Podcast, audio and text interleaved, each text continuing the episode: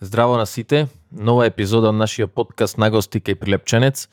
Зошто се вика подкастот така, тоа ќе го дознаете во последната епизода од првата сезона.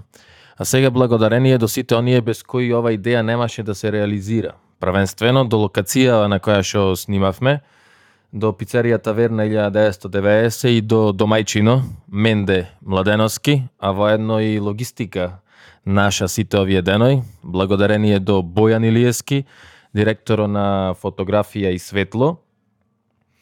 Благодарение до Јосиф Трајковски камера, до Лјупчо Тодоровски аудиопродукција, благодарение до нашите пријатели, стоматолошка ординација Караджаски, пекара Алекс и мое пазарче. А сега нешто за гостино во оваа епизода. Ни гостуваше психолог со аура на поет. Муабетевме со Никола Дуковски. Ајде, бујрум. Ајде, зар на зуба? Бујрум. Добре, најдов. Фала што ни дојде. Размислував како да почнеме Никола со тебе денеска. И преска бев докај едно другарче, докај а, Шникио нив ги убедувавме овде да дојде во подкастов и на крајов му рековме појче не ве каниме. Да. А, и често денојве, ја и свесно и несвесно, приметив дека употребувам еден пример што за моментална ситуација и нешто поврзано за ментално здравје кај луѓето, прочитав пред не многу одамна за исламски мистик, Мгм. а, астролог, научник, метафизичар, филозоф а, и човек со, што се занимавал со медицина во тоа време, ја мислам дека е 10 почетокот на 11 век, тој период. Не е важното. Да. Авицена, Авицена. му е а, латинското име. Јагни волк. Да. Е, Мгм. значи знаеш за експеримент. Да. Експериментот е кај што човеков наблюдува луѓе и наблюдува дека предпоставувам тоа е во тоа време а, слој а, од населениево подчинет или што работа под некоја константна пресија, под страф. И тој воочува дека луѓето што се константно под страф има а, полошо, полоша здравствена состојба во однос на некои други. И се тој сака тоа експериментално да го покажи и иди до идеја како да земи две овци од едно исто стадо во иста, да речем, здравствена состојба, ги зема и ги мести на две различни локации во кафес, ги сместува. Ги рани со иста количина храна, значи исти услови, ист третман, само што до едната овца мести уште еден кафес и во кафезов сместува волк. И наблюдува што се случува. Е, овцава што е во близина на волк, односно константен извор на страв, што прави почнува и крзното, квалитето на крзното да го губи, здравствено да опаѓа и така човеков експериментално покажува што констант, ако си константно изложен под страв, Страв. дури во случајов тој а, некоја паралела со со нас денеска ирационален страв, пошто волков Што тебе не може да те да- изеј, Надреален, нереален страв. Невротичен би дошло. А можда во некои случаи и психотичен, што е најстрашна форма на страв. И сакам да ми напреш една паралела со ова денеска, така че почнеме, значи со еден термин што се пошироко, пошироко и се попопуларен и често се користи, често можеме да го слушнеме, анексиозност. Мгм. Значи таа константна а, состојба на, на страф, ама не знаеш од кај иди нешто, само си цело време уплашен. И сега паралелава со овцава, Аха. не случајно, и паралелава со денешниве луѓе. Да. Како ти се чини тоа денеска? Само да потенцирам околу овцава дека за едната бил видлив волкот, а за другата не бил видлив волкот и то, тука е главната разлика на во смисла на едната и диши волкот во врата, на другава е сосема изолирана и си го гледа своето што викаме народски. Е сега конкретно за анксиозноста, anxiety, што би дошло. А, гледам дека ние константно сме под големо количество на анксиозност, кое што во основа е само една неподдржана возбуда. Што е тоа што ни причинува нас такво чувство. Која е таа поддршка што ни треба, дали интерперсонална, дали внатрешна или надворешна, за да ние можеме да бидеме соодветно поддржани за дејството и за самата ситуација во која што се најдуваме во моментот. Во смисла, сега мене ме поддржува тоа што носам комотни патики, водиме пријатен разговор, позната ми е средината, гледам дека нема ништо што би ме загрозило, и мојата анксиозност почнува да се сведува само на можам да идентификувам од, од што иди. Од влез во, во нешто ново, почнуваме нов разговор, јас и ти не се знаеме премногу, и тоа е моје, моето пратење, дека то чувство јас го поддржувам со, со првично со работите кои што ми се познати. А генералната слика за анксиозно општество е тоа што ние не гледаме за што да се фатиме. Ради што, еве конкретно последниот конгрес на кој што бев, една многу добра под, а, предавачка зборуваше баш за за незиното травматско поминување низ низ корона процесот на преживување, кај што не се сите што се јавува да ја да, да ја да поддршка и вика бори се. Тај вика нигде никаде со што да се борам? Со кого да се борам? Со самата себе?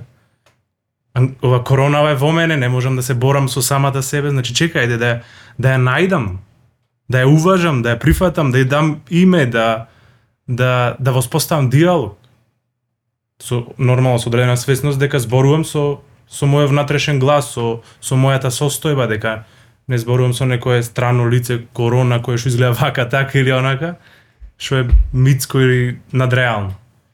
И тоа чувство на анксиозност нас не не поддржува во оваа ситуација ради што сегашноста ни е застрашувачка, минатото ни е неподдржувачко ради што долаани конкретно важеа некои принципи па и правила и нешто што кое што ни беше во наша заштита, типа на носи маски на затворено, нема да фатиш корона, 99% штити од од корона маска.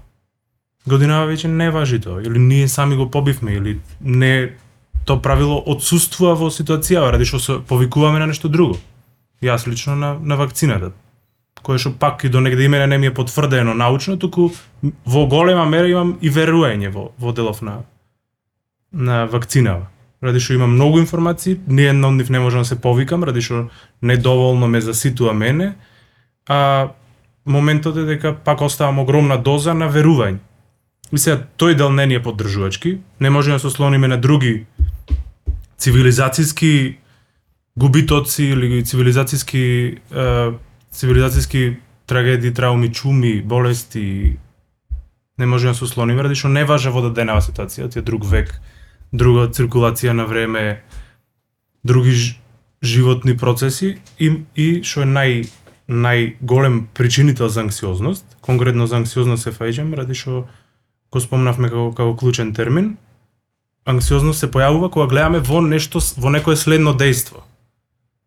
Не понираме, не бараме во минатото некој одговор, не гледаме сегашноста ради што не одвлекува нешто друго, а таа е само присудна и таа е само реална, туку гледаме во нешто идно. Значи што јас сега следно можам да направам и за што јас од во тоа следно дејство не сум поддржан.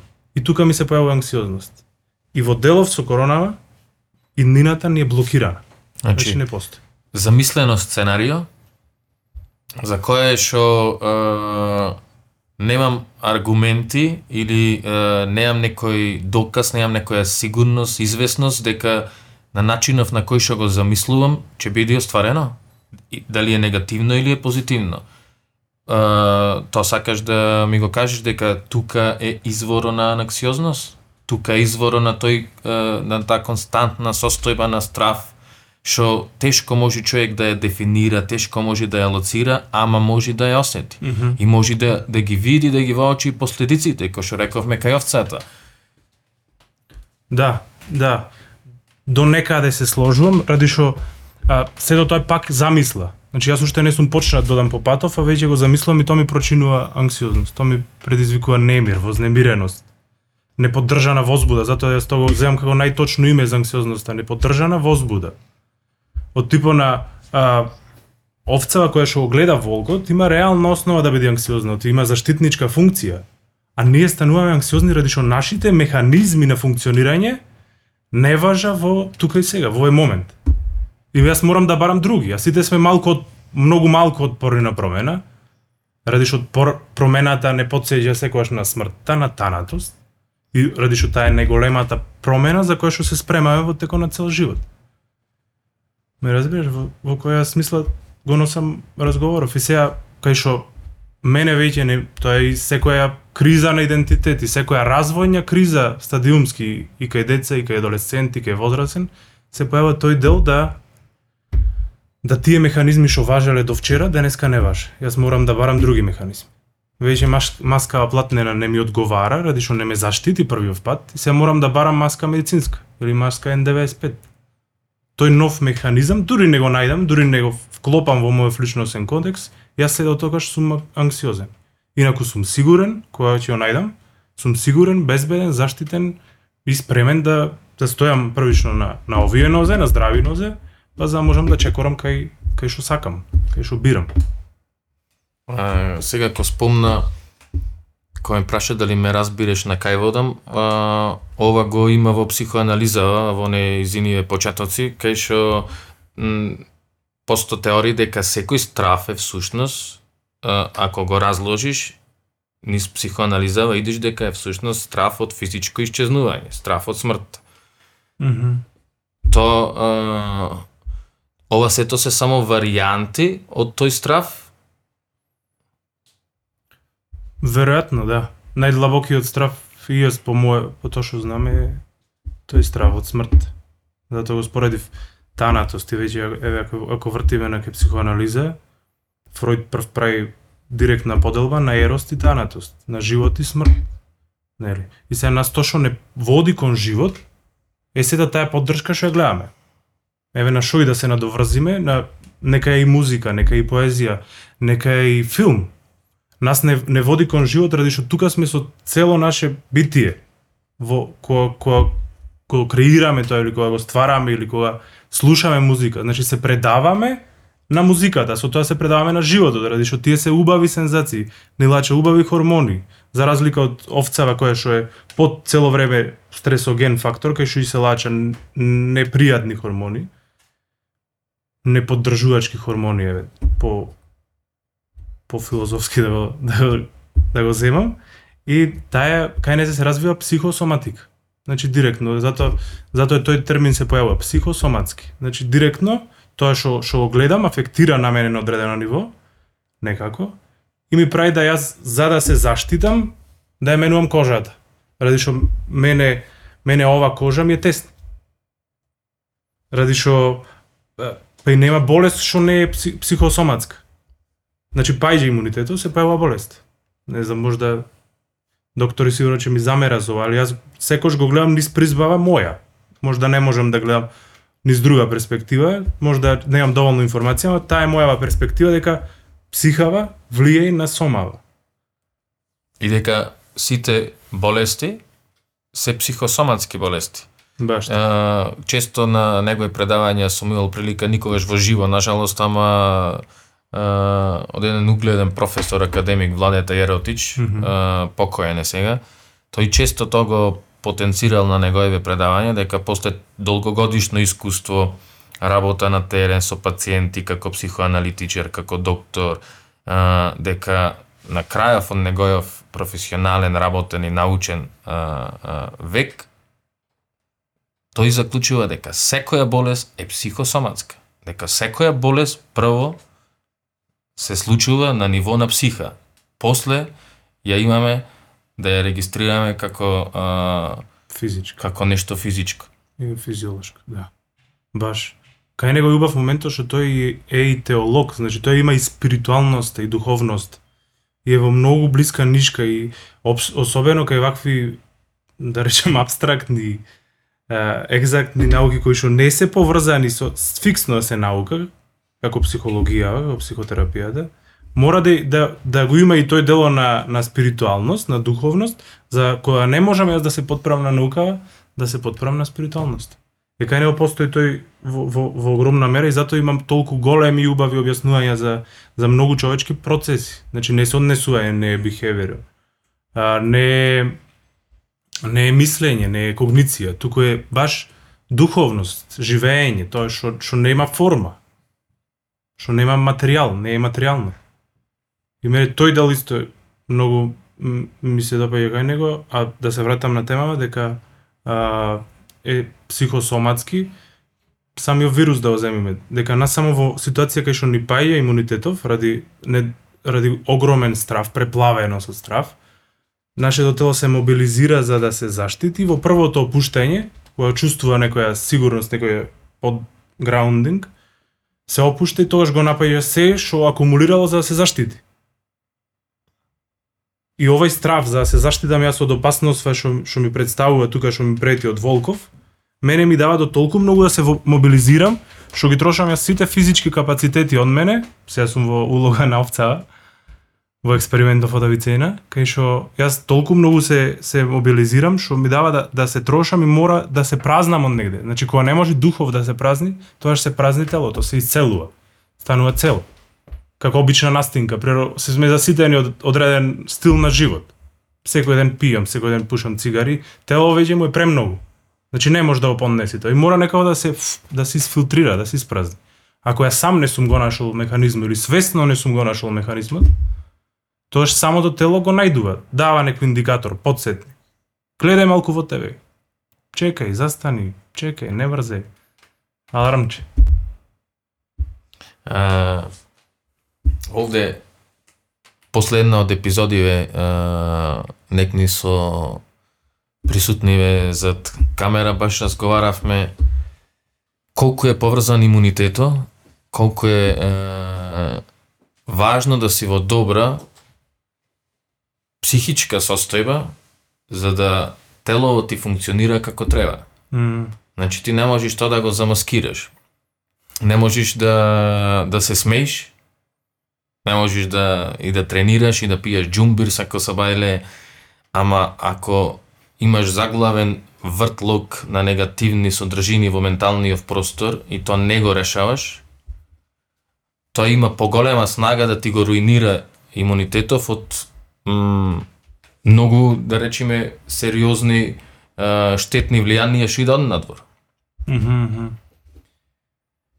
Колку сме луѓе освесни за значењево на добрата психичка состојба, односно на добро ментално здравје и колку сме свесни ние воопшто дека ако тука добро не се наштеловаме, после не можеме да очекуваме а, квалитетен живот, не можеме да очекуваме квалитетни односи, не можеме да функционираме со полн наш капацитет. Баш, баш. Сушност седото џумбир, а, здрава пси, физичка подготвеност, седо тоа е само една надворешна поддршка за психички јас да бам спремен. Од типо на за да можам јас да истрчам 21 км полумаратон, мене ми треба предходно да сум трчал 10 кило, три пати по 10 км, да а, пијам секој ден џумбир, што можда нема ни толку да ми помага колку што е сугестивно, си мислам дека ја ме енергизира, пијам магнезиум, ме енергизира. Еве, не знам, навечер по едно пиво, витамин Б. И тоа на некој начин и обсесивно ме поддржува дека јас тоа што правам е најсоодветно. Е се конкретно за, за дело да се вратам кај, кај нас, ние како гледаме на психичката подготвеност и на менталното здравје, би рекол, во, во целост, ради што некако е, е секогаш заедно, физичкото со менталното здравје се, се во склад, а ние ги одвојуваме. И обично препишуваме се на физичко. Значи, а, кога не, кога не си расположен ти или кога не сум расположен јас, сигурно нема да речиш а, ме мача ме, ме мачи некој внатрешен немир, тука ќе речиш абе, знаеш, ме боли ногава. Мислам тоа недоволна длабочина и во комуникацијата, јас тоа го гледам како како проблем. Те ние културолошки сме така подковани. Од дома кој не прашува кога ќе се вратевме пред училиште, прво не прашува а, дали јадеш. Значи, добро, задоволување на потреба. Дали си јаден. Што оценки имаш? Дали доби петка? Значи, успех, постигнувањето, не прашувале за тоа. А не не прашувале како си. Или како си помине. И сум спремен само да ти слушам. И тука е таа тој таа тоа уважување дека постои кај тебе нешто што се Тука е случува. таа нишка што ни недостасува Да. за да почнеме да а, создаваме свесност во врска со важноста на ментално оздравјање. Баш, баш. Само во комуникацијата. Оти тој дел влегува и културолошки после. После мене не ми е тешко јас да прашам. Оти јас доволно се познавам себе си, за да можам да прашам и друг. Доволно родителов ќе се познава до себе си, за да може да опраша праша детето. А секое запирање на одредена на одреден, тоест уважување или прашување за некоја емоција кај детево, родителов се оградува од неговата. Ради што кај нас пак земам генерално културолошки, родителите се во голема мера некој кој што не треба да ти доволно да познава што е дали има пари или нема пари, дали дали е тажен или не е тажен. Кај него секогаш се е идеално и е тука за тебе. Арно тоа што понира од внатре што излегува, што излегува од него, тој тој дел е, се чувствува, детето секој го чувствува, било да е енергетски, рационално, ради што ја има таа свесност. А Арнова не е призната. Оти знаеш како меѓу нас прер постои сега можда а, можда некое прифаќање ради што јас носам вакво ланче, да кажеме, а дека ти носиш таква капа која што за мене не е прифатлива. Пример.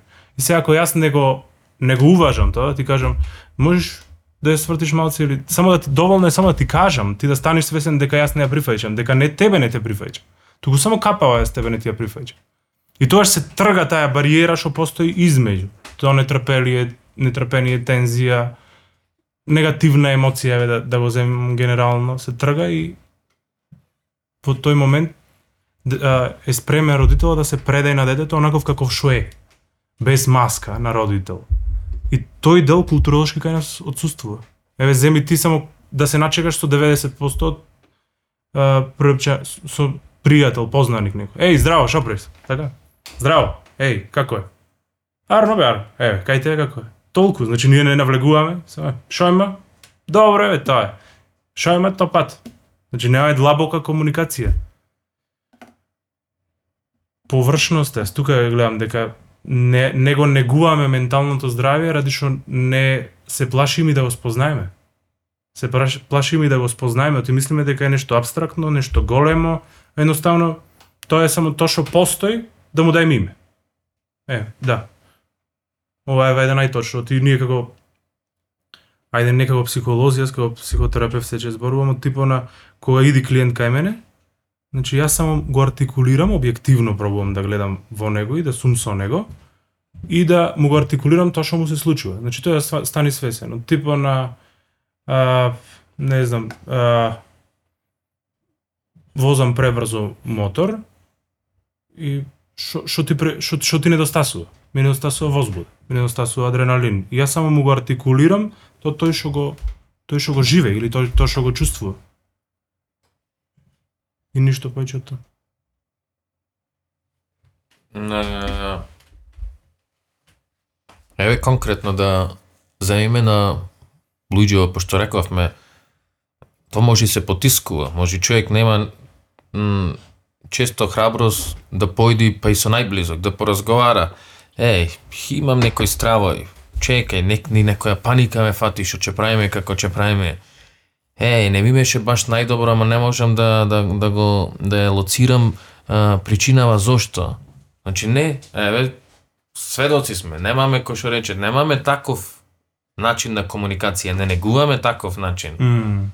Градиме за нас една верзија така јака, силна, а всушност на, натре сме слаби. Mm -hmm. Значи го немаме тој момент. Го немаме тој момент, не сме свесни дека треба да го негуваме, ама го имаме проблемов. Мгм, мгм. Знаеш како емоционално, емоционално не сме достапни. Тоа е ради во малите општества, колективни во кои што и ние уште сме, а одиме кон индивидуалност, е ради што мој, мојата емоционална достапност може ако ја ако ти ја дам тебе може да афектира некако на мене. Ти да ми речеш еј слабич. Свеќе што ти кај нас тој особено развојно секој и ти може да се сетиш, кој дури бевме средношколци и основци, ако ти кажеш дека дека си вознемирен или не знам, или ако си повлечен, ти си тоа слабич. А не дека си емоционално отворен или дека си емоционално достапен. И, и обично најемоционално интелигентните деца се тие што се отфрлани. Ради што тој ги, ги дава емоциите, ради ради што не ги превел во когниција, не не не склопил околу нив некоја некоја филозофија или некоја не знам, некоја фантазија или нешто практично што може да да го состави од сето тоа. Туку тој а, само си, си ги пратил, си го пратил покретов внатреше. Аха, добро, сега се чувствувам, сега се чувствувам тажен. Кај нас се забране да си тажен. Што е најприродна емоција, најисцелувачка емоција е тагат. Ради што најголемо плакнење е, е, е плачењето. Ама пропуштена тага. Така? Пропуштена, да. Не потисната. Така, да, баш. Пропуштена така, ти кај нас не е дозволено да да плачеш. Особено кај во кај мажите уште постои тој стереотип дека ти маж си не смеш да плачеш. Нема плачење. Ти мораш да бараш решенија. Уште има таа воинствена филозофија, спартанска, дека ако плачеш ти немаш соодветно решение, не дека треба да се исплачиш првин, па после да, да бараш решение. За несто емоција, да ти емоциите се ко не знам, или ги пикаме под тепих, или под дипле што викаме народски, или како топка а, за на плажа, голема, ја пикаме под вода и колку повеќе што ја пикаш, толку по, посилно избива. Може да, да, Да, да, да, да. да. замислиш што кажувам. Топка гумена, колку и да ја ставаме под земја, таа си прави притисок и избива наеднаш. И тоа се исто емоциите. И затоа емоциите се преведува во афекти. Ама и што че... тој врза шамар, не знам од кај врза шамар, пример. Или тој тој искрши прозорец во таверна, не знам од кај искрши прозорец во таверна. А, не само што че во, во а, даден момент што че а, се врати топкава и што че избие надвор а, од водава, дури над површина, ти за а, време траење во на потискување, ти исто така трошиш огромна енергија за долу да ја чуваш. Мм, Значи таа таа енергија е исто енергија што може да те лекува. аха, аха. Таа енергија е таа што може да ти го а, оснажи имунитетов. Таа енергија е што можеш да прочиташ некоја подобра книга, да научиш некое знаење, да развиеш некој однос, пошто за сите овие активности е потребна некоја енергија. Ама Баш. ти ако ја трошиш да ја држиш топка, немаш неограничени потенци, она, неограничени ресурси на енергија. Сите ние имаме толку имаш енергија. Значи Да, се како да. ќе ја изменаџираш, Да. Овде имаш на два начини на кои на два негативни начини на кои што нешто а, на крајов ти се враќа на неубав начин. Мгм, Едното е дури трошиш да потискаш и после тоа е првата штета, втората е кој ти се врати Да. потиснато. Да. Баш. Да. Енергијата сега ќе најде некој канал, како ќе излезе. Знаеш, ние со пре со цигара ја враќаме енергијата. Retroflexion, ја враќаме во назад, на назад. Во влекувам и сега тоа што ми иди да го кажам, јас не го кажувам, туку ја држам во мен. Тоа е само не, не, не најдување соодветен, се според мене, начин како да ја канализирам таа енергија. Ако јас не сум спремен сега да ја пуштам емоцијата, сите се најдуваме во момент кај што не сме спремни и да истагуваме и да обжалиме и да се се да покажеме дека се чувствуваме лошо. Доволно е само да најдеме начинов на кој што не припрема за да ја за да ја изживееме емоцијата. Од типа на еве канал мене ми е првин да првин да да испланинарам, првин да извозам точак 30 км, па да се вратам, па да станам свесен за за емоцијата и да се соочам за да се соочам со нези. Или дури сум таму, дури одам по патов. Знаеш, на класично го не е целта целта таа што е што е бркаме ние, туку патов што што што не гради за да стасаме до целта. Тоа е тој што што што е најпримамен и што не гради целосно наш и што не прави да сме тоа што сме. Истото и со емоција. Значи јас дури одам да таа емоција да ја изживам, да ја да ја извам таму кај што се заглавила, та, до во тој пат јас може да ќе ја ќе ја пуштам таа емоција. Може да ќе ја изразам на поинаков начин, може да ќе ја напишам. Оти секој израз е израз. Можда можда ќе ја ќе ја представам дека еве дрвово плачеше за мене. Значи јас не сум сега во моментов. Арно ама гледам смола на дрвово кај што плачи и викам дека еве дрвово плачеше за мене. Значи таа е таа чиста чиста проекција што е за нас многу доходовна. Многу пак исцелувачка, исцелувачка ќе речам. Ради што немаме капацитет да се сносиме. Сите во одред, сме на одредено место кај што одредени емоции не ни биле поддржувани. и во, во или па не, не сме во моментов способни за да ги исплачиме, да ги живееме, да ги да ги доживееме поточно. И затоа бараме механизми такви преку израз. Е, чарево за ова што пробавме да го да го дефинираме малце, да го отстикаме. Чаре денеска ете човек што пример, некој еден лице сега не слуша и малце го инспирираме. Аха, во тој момент се создава кај него е, поголема количина на свесност, може да препознај од ова јас и ти сега што го разговараме нешто кај себе, ама не знај како да тргне, да ги решава тие некои внатрешни конфликти. Uh, како сега еден човек, еве видовме дека кај тој човек има потиснати емоции, има uh, проблеми што тие потиснати емоции му ги создава на човеков за да ги оствари uh, сите негови Потенцијал. потенцијали. Значи тоа го има. Човеков може баш во овој момент прв пат има свесност за нешто, е сега на кај да тргне. Компасов што да му биди на тој пат компас на тој таму некој човек. Така. Само да види дали е спремен за промена. Ради што тоа што е најнеконстантно што вика се баш ми се помислава, а, м- мојата менторка и терапевтка, а, единствено константно нешто е промената. Знаеш, од типо на јас сакам да се менувам, ама не сакам да се менувам и тоа ми прави да не исчекорам. Значи јас сум само свесен дека сакам, ма не сум мобилизиран. Не знам што е тоа што ми треба. Се ние го бараме што е тоа што му треба на, на на единка да се да се менува. Секако прво колку и да е општо поддршка. Каква поддршка ми треба мене за да се менувам? За да посакам да се менувам.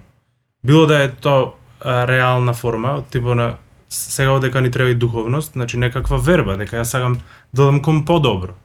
Некоја стручна поддршка, од типо на доволно некој само а, општи лекар да ми каже дека со мене е се окей физички. Прва поддршка е телесна. Спремен сум да да тргнам било каде. Да земам еден ранец и да тргнам до до трескавец три пати назад, ради што телово ми дава поддршка. Втора и најбитна поддршка е дишење. Значи јас чим дишам, тоа ми е највитална функција што е вродена, а ние се помалку ја занемаруваме. Плюс и не ни е поддржана во во сегашното, ради што носам маски, не можам на ист начин со ист капацитет да дишам. Плюс и стравов мене ми прави да, да толку многу се стегнам, особе затоа да се покажувам да се стегнам, кај што јас не можам да го користам ни капацитетов на диафрагма, и дишам само награди а градите ми се загрозени, има има има вирус, тие може да бидат нападнати, значи со нив диши поплитко, диши на шкрки што викаме народски. А колку ако дишам што викаме не со полни гради, оти тој кај ме мите пак дека се дека е најдобро да се диши со полни гради или па немам поетичност некоја, а инаку најдобро е да се диши со со полн стомак. Полн стомак парасимпатикус, нерв кој што се подкрива, нерв за намирување и најголем капацитет има имаме во во диафрагма. И ако ние го користиме, тоа што ни дава поддршка да да бидеме витални, да бидеме функционални. Се ако еден човек ги најди првично внатрешните негови поддршки, надворешните или ќе се појава, тој парадоксално се менува цело се околу мене, или па доволно е, доволно добро ќе знам како да да побарам. Тука се психолози, психотерапевти кои што се тука само за тој дел. Да јас да бидам емоционално безбеден и присутен за тој кој што сака поддршка од било каков вид да му е дозволен. Ради што знаеш како во тој дел има и научна научна научна поддршка, не е не е само спиритуална, не е појди кај бајачка ти тај ти мени мајндсет. Не е појди кај кај владиката и тој ќе те исцели, не е појди кај оджата и тој ќе ти дај мир. Туку имаш чекори преку кои што се менуваш, ама индивидуално насочени према тебе, не општо. Затоа јас никош пред не на клиент на било кој да ме праша што да читам од психолог. Поимање. Врска немам, стварно врска немам, што да читаш. Од искуство, е, искуствено е, треба да доживееш, не можеш да читаш. Ако читаш, готово е, го земам, го сместувам во мене и дали важи, дали функционира, текнува механизмов од овај сад, не знам дали функционира на мене, Може да ќе чука понаваму. Ме разбираш? Во која смисла? Морам да го да го искусам, да го опипам, оти ова е готово и тоа е тоа е најголем проблем првично ја што гледам со со модерната психологија, ради што сето се заснова на готови цели пораки, живеј позитивно, живеј храбро, кај што тоа не ти е нити расчленето, нити а, нити сервирано, за да можеш да го боцниш прво, па да го ставиш во уста, па да го иџвакаш, па да го голтниш, па да го свариш, па после тоа другото. Ако не ти треба да го да го пуштиш. Е ние стасуваме до некој дел само кај што во смисла да да го исфрлиш преку измет. Оти повеќе не важи, тоа е тој механизм. И сега кај што јас само го гледам, го кинам, тоа тоа ми е тоа е за мене модерната психологија или не знам мод, пишаната психологија, да го скиниш, да го голтниш цело, да не го иџвакаш, да стои овде и нека се вари. Како дали ќе се свари не може ти цело, како цело лубеница голтниш, како ќе се свари, како ќе се разложи. Нема нема формула таква што може да разложи.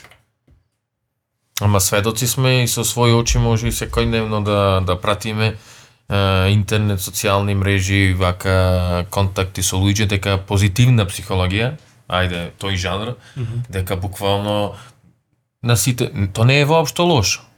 Да се разбереме, според мене. Значи, имаш идеја за да потполниш е, страници од книга, слободно. Значи, се е окей тоа. А, ама позитивна психологија од овој тип сега што рече книги и мисли позитивно, вака така вибрира, че привлечиш, че а, тоа сведоци сме дека се поголем број, се поголем број е, имаш така едноставно е, едноставно пласирани животни формули што може буквално се да ти реша во животов. И а знаеме сами по себе дека се би сакал едноставно да можеме да решиме. да. Значи буквално малце ако имаш интелигенција, не промуваме за мудрост. Мудроста би одела по другиот пат. Ама малце ако имаш интелигенција, секој човек има малце интелигенција, секој би посегнал за некое брзо решение. Ајде да направиме нешто, ајде за колку време ќе биде готово. Мгм, мгм. Така, секој за колку време ќе биде готово. Дај да си ги решам проблеми внатрешни. Аха, Нема. за една недела. Аха, аха, аха. Значи сменете го вашиот живот за 7 седмици. И сега е една Тоа е топ шоп реклама. така, па д- имам таков печаток дека доста а, од психологијава на таков начин пласира Да. Тоа е во во отсуство на пак ќе ви речам духовност. Текнува. пошто има и Јунген мисла, не можеш да го даеш она што го немаш. М. Да. Како, како дадам ја позитивно нешто ако немам. И ако се- не знам што имам, оти знаеш како да ако имам јас негативно, јас можам само да го извам. Можам сам ако го ако го погалам то то негативно не знам, тие поделби позитивно негативно не не би навлегувало ти тоа е знаеш како црно бело, добро лошо, нема позитивно негативно, не можеш да речеш дека не знам со, состојба одредена на депримираност, не на депримес, на депресија е, е негативно нешто, туку е само само одредена одреден процес во кој што се најдувам сега. Или овој период, или овие три месеци. И јас во, во тој дел сум само како во една плонна празнина, кај што барам сега кои се механизми што се соодветни на мене. Или барам а, како да да се испразнам јас, како да како да не знам да да да го испем тоа што не можам да го кажам, како да да го да го прифата другиот тоа што не можам што го прифаќам јас. Или па не го прифаќам доволно. Па да го си го прифатам доволно тој дел кај мене.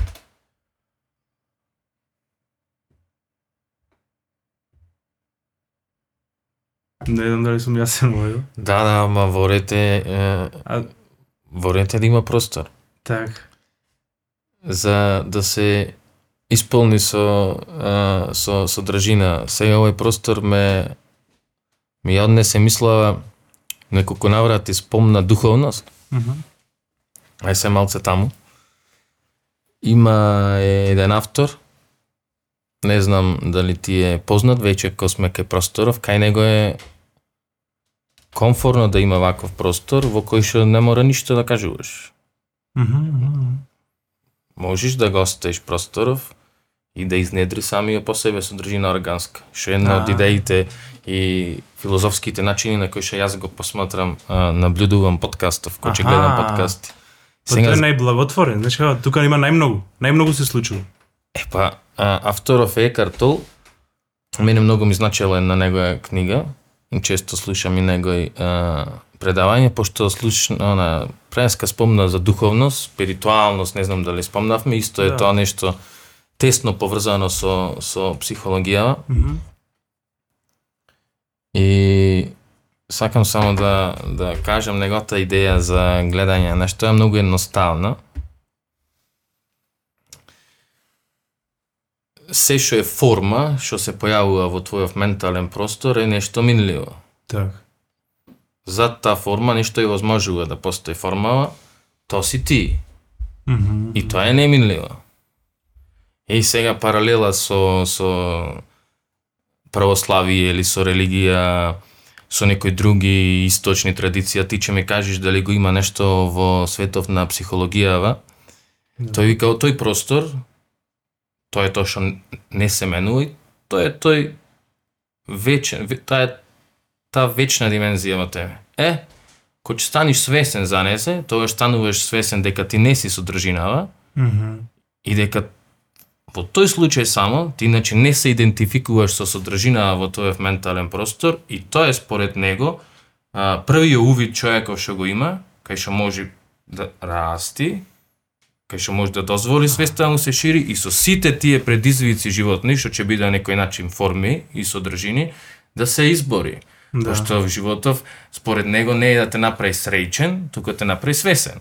Так. Како ќе те направи свесен, така што секогаш ќе имаш најразлични содржини со кои што ќе мораш да се избориш. Ама ти не си содржинава, туку ти си просторов. Ти си ова тишина што настане измеѓу мене и тебе. И сега ние ја потполнуваме со содржина, ама содржинава е менлива. Можеме да правиме сега за пиво, за згодни женски, за... ама кој прави Муамет, кој го создава? Да. Е, ова е картол и тоа е, е според мене човек што не мора да навлегувате, само можеш да го она, да му дај шанса ако ти прија, окей, ако не, не, ама многу мудар човек. Да. Многу ми се венди тоа. И ќе ти пуштам, ќе ти пуштам и линкови, ќе ти предложам и некои некои книги. Е сега е, овде овде се работи за себе спознавање и за е, да речам таа гранка од спиритуалноста имаме и то денеска сведоци сме дека многу луѓе трагаа по себе. Шо сум јас во есенција? Се психологијава како наука што ни кажува таа за односов на содржиние, за односов е, на идентификацијава со што се идентификуваме. Како гледа таа на овие работи, на спиритуалност, пошто рековме духовност, кај, кај би кај би нашол место кај што се а, допира психологијава и духовноста. Тоа малце според тебе како би ни го представил? Многу беше во начина со, пра, со празнина, знаеш како со ова и јас го вев таа кратко интермецо на сред филм, текнува. И сега дека фокусов не може цело време да биде во филмов, ради што се презаситува и сите ние се презаситуваме понекогаш од нас. Ради што ако ринкаш, премногу ринкам, не живам, не можам да да вклопам тоа нешто. Ако па премногу живам и сум слободумен и гајле ми е, да не речам другиот термин кој ме боли, тоаш а, тоаш па се за запоставувам други длабоки состојби од мене, тоаш запоставувам целокупното живење, не гледам крупната слика, а, само фигурирам како лепдечка форма. И баш ние сме тие што што викаш и ти дека ја подполнуваме или картол што вика, дека ја подполнуваме како честичка во во лепдење, така? Значи ние се појавуваме само како звезда во, во универзум да светниме и може да брзо да згасниме, може да стоиме да тлееме, ради што имаме одредена одредена порака што треба да ја пренесеме, имаме одредена големина што треба да да да, да испратиме, одреден одблесок што треба да опуштиме на Земја, на Марс, на Јупитер, кај да е. И баш во делов кај што викаш поврзаноста, не знам дали добро те разбрав само на на спиритуалноста со психологијата и како ние се спознаваме во тој дел. Е ба, само релацијски, ради што кога сум јас во релација со со со чашава, со со држинава, со течноста во незе, тогаш гледам како тоа интерферира со мене, како како допира до мене.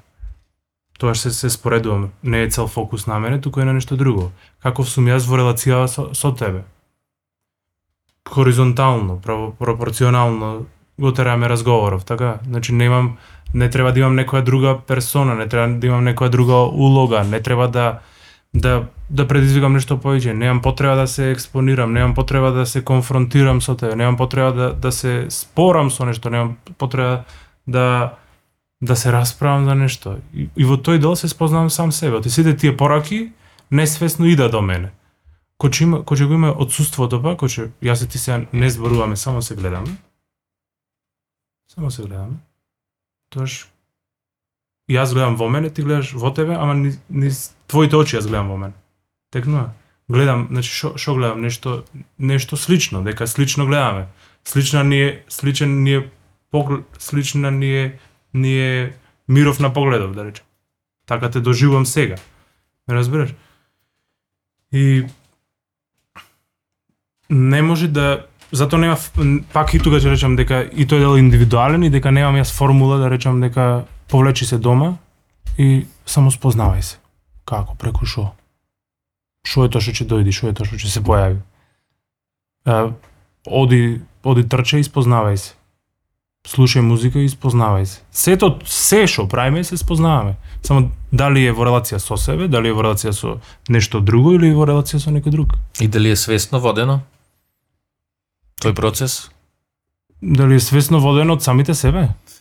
Па и од самите себе, тогаш е, е, сакам се ова да го наведам, да речем, стручното лице, во твојот случај ти кој работиш како психотерапевт и она што прајаска малце го доправевме што сакав исто да не знам дали сеќаш ти реков во врска кој ми рече што работиш сега моментално Скопје и како може ете кон тој пат кон себе пошто за самодоверба ти реков Така, да. или за себе почитување, значи сите овие работи се во нас. Да.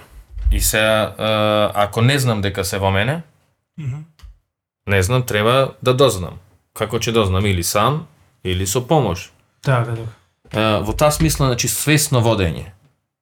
Е сега, ако не сум обучен, не знам како, ќе се консултирам со книги, со вакви некои паметни луѓе, за кои што ти мислиш или ти прија се паметни, Да. или со стручно лице. Јасно. Е тоа сега улогава на, на а, стручново лице во пронајдувањево на овие наши потенцијали, во себе спознавањево, која е и како каков е тој однос измеѓу клиентов и психотерапевтов? Првично не, ја нема контролата, ти знаеш како све- свесно ако насочувам нешто, баш во дело кај што ми рече свесно насочувам. Значи јас го контролирам, го движам натаму, а не го пуштам да да да се појави свесноста. И свесноста иди некаде на средина, кај што е најголемиот контакт со одредена ситуација, тек со одредено со одредено не знам, со одредено дејствие. Кај што кај што после тоа е повлекување и задоволство и влегување во нов некој контакт. И од од тераписки аспект, од психотераписки аспект, јас со со клиентот сум сум само тука за него.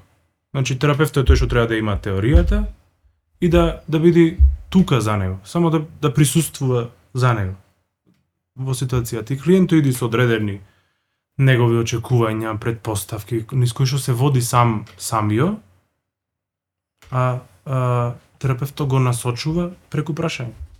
Значи јас сум само тука слушател во првична фаза. Само слушам, всушност тоа е тоа нашо што ни треба на сите, да имаме доволно добар начин на слушање. Оти ако бидеме сослушани, значи сме до некаде испразнети. Ако бидеме слушани, значи а, доволно го најдуваме одговорот во нас. Оти ти ми ја испречеш пораката и без да ми кажеш нешто. Ако ми кажеш, ме насочуваш.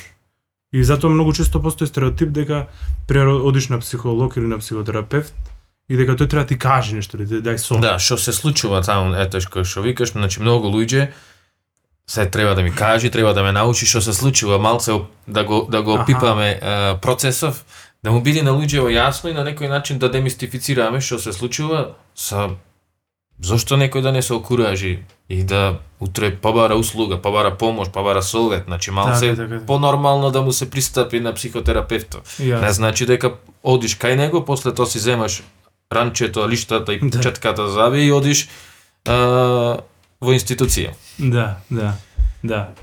Еве, ајде, ко, кој е добро ми те донесе теб? Разбира, значи прво го, го, го шокираш. Шо, шо ми те донесе тебе овде? Кој е добро ми те донесе? Значи, природен однос. Баш вака како што што си пуштаме јас и ти. Но ти јас сум човек и тој човек.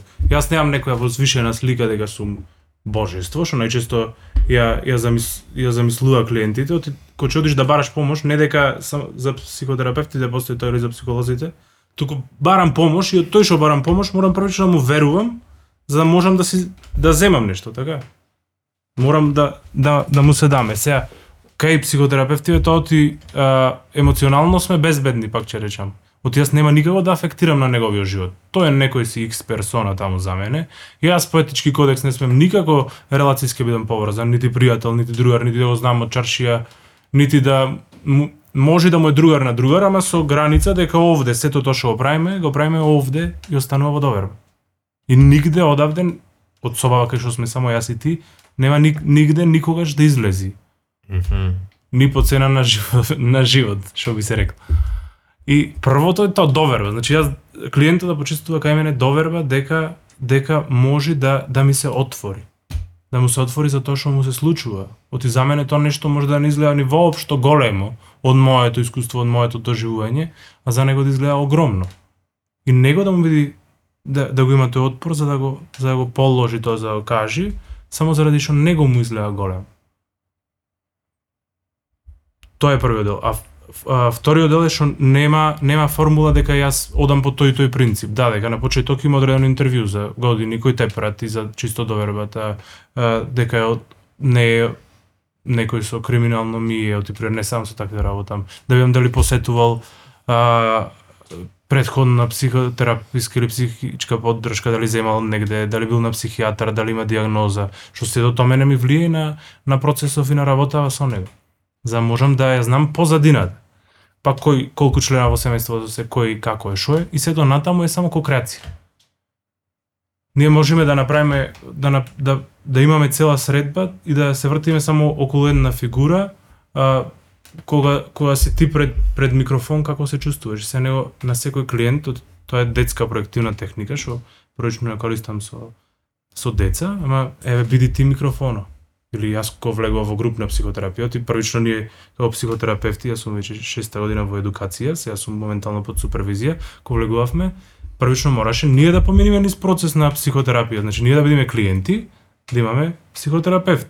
Па за да можам се искуствено да да да осетам што значи тоа, па за да можам да да влезам јас, оти инаку се нешто друго че средувам. Оти ова не е машина, јас да видам дека од мајсторо, јас сум се Чираков, да видам од мајсторо дека грамофонов се поправа вака, вака, вака и вака, и после јас да го поправам. Нема формула за тоа. Морам јас да го искусам, да влезам, малце бидам грамофонов, да осетам која е кај мечепка мајсторов, кај, кај ме боли, која штрафче не штима, дали треба иглата да се менува по некош. Метафорички се озборувам, мислам дека сум Јасно, јасно. И после тоа да се тргнам од страна и да бидам таа некоја колку што се може објективна реалност, низ субјективна призма, за да можам да да чепкам во во друг грамофон кој што тој пас има негова автентичност, тој не е од 1800 и некоја, туку е од 1930-та, 40-та, 50-та година. И си има сосема поинаква иглица, по- плочи може да стана на него, а, може нема капак, туку има прозирна фолија, а, прозирен поклопец и зато тој процес да речеме и толку толку мистичен, толку табу како што се сретнавме прв пат ти што ми рече ради што и јас како терапевт никош не смем да да зборувам дека ова и ова се случи на терапија со со никого, можда со колегите ти имаме строга доверба со тој некој тесен круг или со супервизорот, ти што сум под супервизија можам да кажам дека ова и ова се случи на терапија без да кажам име кој е, дека беше Далибор пример. Ту, не ни кажувам ни иницијали, туку само тој. 33 годишниот пример ми рече тоа и тоа. И а, затоа е толку и мистериозен процесов, ти не можеш да го да го расветлиш и сите наши а, сликите што ги имаме или или фантазијата што имаме за како изгледа еден психотераписки процес е од телевизија, а го немаме во голема мера искуствено. И јас го немав, морам да признам, допред да седнам. Ти мене беше тоа замисла дека нашите ни се случува на факултет, ама јас тоа не го добив и таа е моја потреба, морав да се ја задоволам на некој друг начин. И друго е ко, ко креација. Че се вратам пак на на проекцијава, на проективнава техника. На дете му, вик, му викаме бе биди ти микрофонов. Работиш често и со деца. Да. Работам и со деца. Тоа ми е да речем природно и нај нај најспонтано, нај најприроден сум со нив и нај најголем ефект имам. Може да ради што јас го имам тој детскиот делвовен и стално си го негувам и никош не сум го бател. А, биди микрофонов. Тоа за дете не биде микрофонов, туку еве што што што што чувствува микрофонов. Па микрофонов е е, е темен, е тажен, е, е а на максимум е пуштен. А, има две две работи што му света вака силно и сега за било која од тие работи ја се фатам, јас го имам го имам цел процес тука. Ради што тој всушност зборува за за него. Не разбираш? Тој се зборува за него, ама преку другото. И ни е полесно нас да да кажем што му е на моторот, отколку да кажем што ми е мене. Да. И тоа е тоа. Значи ова е техника што несвесно човеков си ја вади со дружината и ти кажува отприлика што е неговиот проблем. Ете така. Баш, баш, баш. Основоположникот е конкретно на гешталт психотерапија што ја работам јас пролс. Тој Гештал психотерапија. Да ге што значи целовито на целовитост на на германски. И всушност тоа е стремењето кон еден лична целовитост, тоа што се вртиме цело време околу моветов, типо на како да направиме еден психофизички баланс, како да да имаме таа целовитост, да јас на на на градов што прифаќам, на држава што прифаќам, на универзум на светов што прифаќам, на, на универзумов што прифаќам, да да ме чини мене цело, целовит и да бидам јас тој автентичен што сум. Нормално ограничен, не надвор од него, само припаѓам во него, со моите потенцијали што ги имам и сето таа припадност ми дава да да да се развијам до мојот максимум. Значи сите си имаме одли, одреден максимум личен. Значи гештелт а, терапијава то а, кажи ни нешто еве сега спомна целта Да. што е да можеме да ги интегрираме сите тие различности во една целовитост така и непријатното и пријатното предпоставувам значи Да. се да интегрираме кажи ни малце а, околу техникиве што мислиш дека е важно да не запознаеш со самава гештал психотерапија и нешто практично што би ни го понудил како како идеја за размислување или Мгм. во тој правец. Да. Тех, техники, значи всушност и тоа е само психотерапијата, наједностав, наједноставен чекор. Одредени техники и одредена теорија која што се применува во, во даден момент. Uh, Во кои случаеви гештал се покажува како најдобра што а, каде може најдобро да помогне, како е најзгодна за за примена самата психотерапија е во, во враќање во тука и сега, значи јас од само од овој даден момент да да се водам нормално гледајќи во позадината што што мене ми направило да се чувствувам така и така или што мене ме закочило на одредено место кај што јас не можам да продолжам понатаму или, или во правец на кој што сакам или не, не можам да бирам. Арно, ама не да, да, да ринкам назад или да анализирам нешто како што често се вика, или па да, да одгатнувам, или па да давам формула, туку само да го уважам тоа чувство дека постои, тој момент дека постои, дека јас се најдувам сега на тој и тоа место ради тоа, тоа и тоа. И од тука што би можел да направам? Да се мобилизирам дека јас сакам ова да направам, дека сакам ова да направам, дека сакам ова да направам и а, кој е мојот автентичен начин на бире, на задоволување на потребата, на таа потреба што што ми недостасува, што ме заглавила на тоа место. Е сега конкретно а, се а, е применлив кај адолесценти многу, ради што кај нив свесен избор е и то како битен да да може да бира, и има отворени можности помали се ограничувањата, помал, по, во помалку персони се влезени, не се во улога на, на татко, па да морам да, да правам ова, ова и ова. Ти некојаш мора, и колку и да не мора, мора одредени работи. Не сум во улога на професионалец, па да морам да се држам до одредени пропис, до одредени прописи стандарди, туку се држам до до а, до се што можам да искусам, да пробам, ама кое што ќе ми направи душевен мир или ќе ме држи во некоја во некој во некој баланс кај што јас нема нити да паднам, нити да летам. Во некоја средина кај што е најплодна најплодна за развој. И во некоја јаснотија? И тоа е многу битно. Да, и во некоја јаснотија дека јас сум јас сум на тоа место за да за за да соберам тоа што ми треба за да можам да продолжам. Јас сум на тоа место ради што ова и ова направив, без да се прашувам зошто, туку да знам што или да барам што е тоа што што ми се случило или што сум направил за да за да за да дојдам до тоа место. И се ме праша подсети ме за Па во било која насока можеш да е, продолжиш дури сме кај гештал терапијава, еве сега спомна дека најделотворна е кај е до најделотворна или па најдобра за за за почеток, за старт. значи на адолесцентиве му треба јаснотија, тоа е еве од е, лично искуство, ама и секој човек што го тој Да. адолесцентски период го го изживел, избо- избомбардиран си, Да, имаш бубачки еден куп, да, И сега тука ти треба јаснотија, што е важно, што не е. Дај, Баш. така, баш. Дај да за да направам некои некои добри е, квалитетни животни избори, баш. значи да не бира, туку да бирам. Аха. Аха. И, и да не бидам одбран. Ради што знаеш како, овој го бирам ти добро знај да брани. Туку јас бирам да бранам. Мгм. Ме разбираш? Ти Јас- одбери ме, ама јас ќе ти кажам дали ќе ќе бранам. Ехе, е така, може. Е тоа е адаптација веќе, да. Да, тоа е адаптација. Од типо на јас ќе ти кажам дали дали сакам во моментов, од тип- можда во моментов не нема да се чувствувам корисно ако бранам. И баш во тој момент е најдобра ради што се најтанки границите, најпропусливи границите и, и тие граници што што што се пласирани од старите, немој да да да носиш кратки панталони, немој да се тетовираш.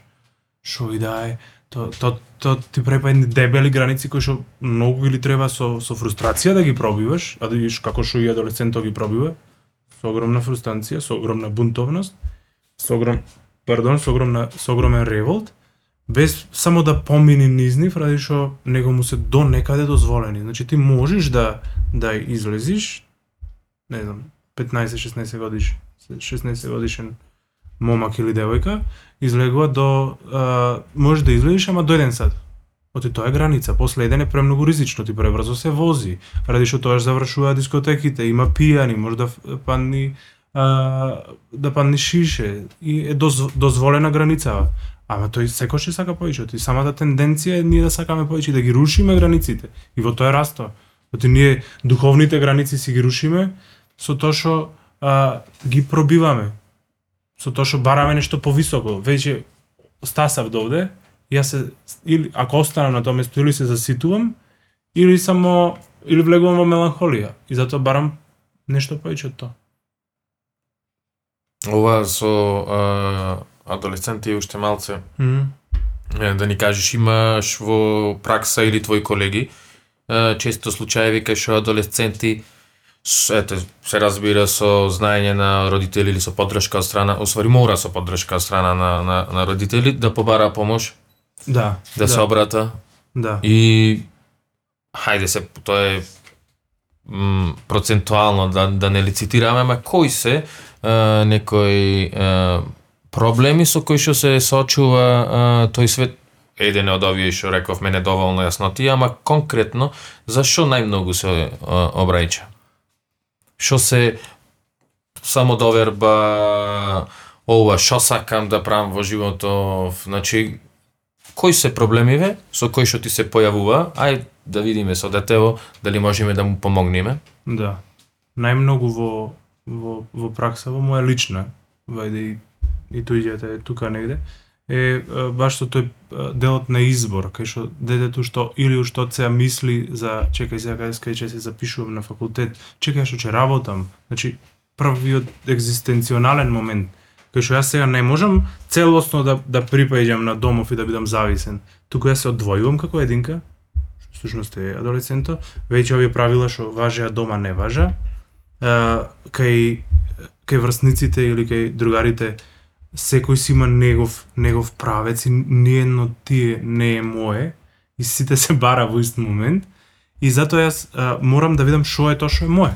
И прв пат кај адолесцент се појава прашање, чекај, дали сум јас тој што верував дека сум јас до сега? Оти сега до сега бев како привидно, бубрек во лој, не не целосно, ти не се сите презаштитени, туку го земам како метафора некоја.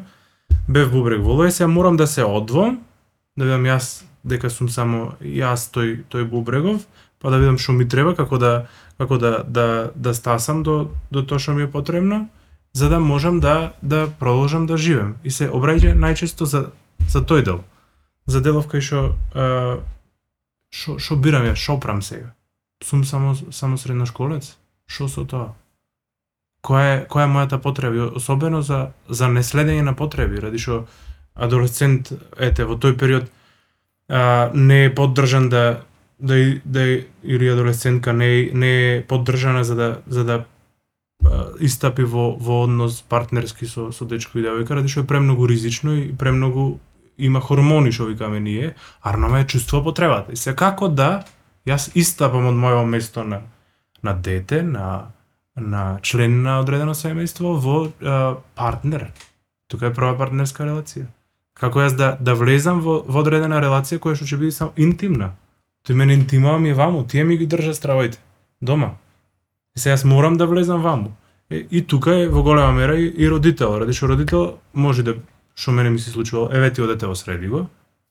Воопшто не не прифеќам да работам. Така? Да. Да. Еве ти одете во среди го. Дали, Ево. дали функционира тоа? Кој? Па, ете таква ситуација кај што родителов едноставно нема знаење, може би нема мотив, може би така му се гледа полесно, е, или може нема време, не знам. Аха. Значи јас не можам да осредам детето и ај ти среди ми го. Тоа Никак- функционира. Никако, ради што тука од, од старт е, ти дава до знаење дека јас не се замарам со него. А тој уште не е на, на здрави нозе. Значи, ако ти не се замараш кој така, јас не можам само со него да работам. Ти јас тоа што мож... не знам овај од, од други колеги спомнато, тоа што можам јас да направам во, во еден сат, можеш ти да растуриш во 10 стотинки, во една минута. Ти текнува? Мгм. И тоа е само односот, знаеш кај кај ич крипи. И најлесно е да да го судам помалото. Абе, ти реков јас. Ти реков, значи многу често ми се случува. Ти реков дека ете тоа ќе ти го кажи психологот. Ти реков дека тоа ќе ти го кажи, ти, ќе ти го кажи, ете. Чекајте, чекајте, му викам застани, застани, застани. Ајде да видам дали вака и дома разговарате, одма ги сведувам на релација, оти всушност диалог Ова е случаеви на групна терапија? Не, не, не, немам искуство со групна, Аха. само сум бил дел од групна терапија, јас како клиент, а како како психотерапевт не, уште е рано, затоа ми треба многу искуство. Ова е од од индивидуално, до се со со деца работам само индивидуално. И за жал тука што фали Значи јас да станам свесен за целото негово окружување, со дел со корона малце тука имавме стагнација, кај што онлайн беше се, нели?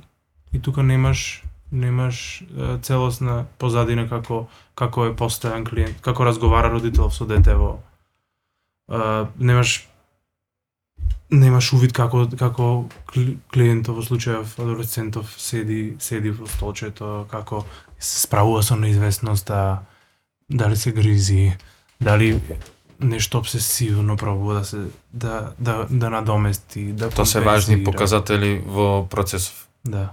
Сега скоро нешто што што прочитав е дека што многу ми држи вода и што ќе си го земам здраво за готово.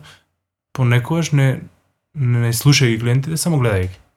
Знаеш, не делам на на глувонем дека ме јас не треба ништо да слушам содржинава, туку само да го гледам. И На телото се ни покажува, како со соматика што ни покажува. Има застој на емоција, таа мора да излезе од негде. Че излези во од од рак на на желудникот и не варел желудников како што треба. Че излези од повишен крвен притисок, кој јас сум држал цело време. Сум бил стегнат. Че излези од не знам, че излези од вишок килограми, ради што јас морам ова што не можам да да го задоволам, да го задоволам некако поинаку. Па сега јадам, пијам наеднаш, што ти не можам да да да го задоволам таа потреба што имам на на на одреден начин туку морам поинаку ја компензирам што се вика. Текнува со јадење. И после тоа се зголемува крвни капилари и се се останат. А, ти како адолесцент во периодов со јаснотија и со животниве избори и со одлуката да се занимаваш со ова што денеска се занимаваш, ај таму да појдеме малце. Е убаво што ме носиш на тоа место. Како Не требаше вака нешто лично, искрено мислам дека многу одевме вака по, по теоретски. Да.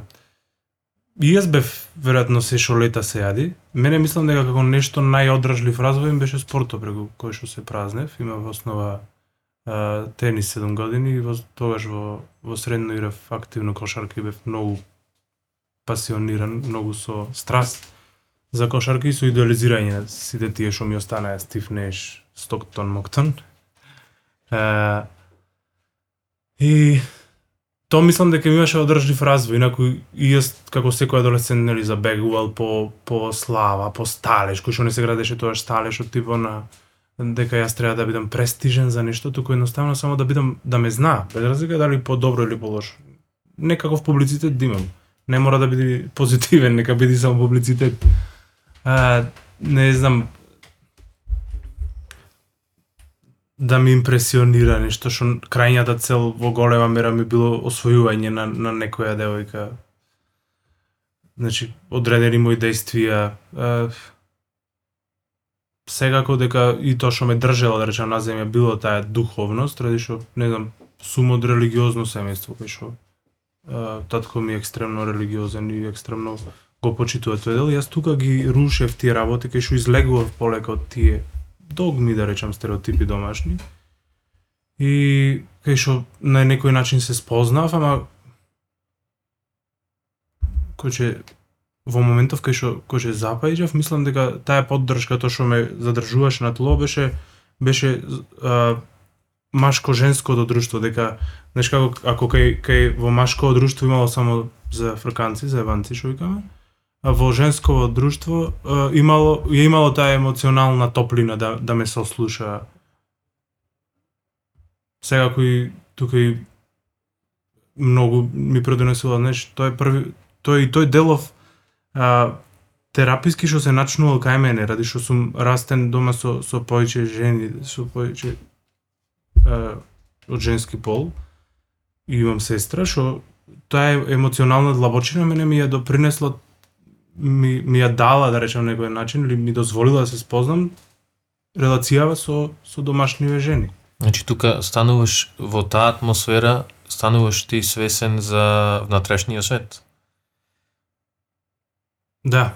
Тоа да, е прв, знаеш. првиот увид дека постои еден неистражен предел во нас што од кој што извира се она што е надвор од нас. Правиме муавет за ка, е, ме интересира како си е, како си доведен до идејава чеке се јас ова сакам да го истражувам, сакам да го учам, ме привлекува.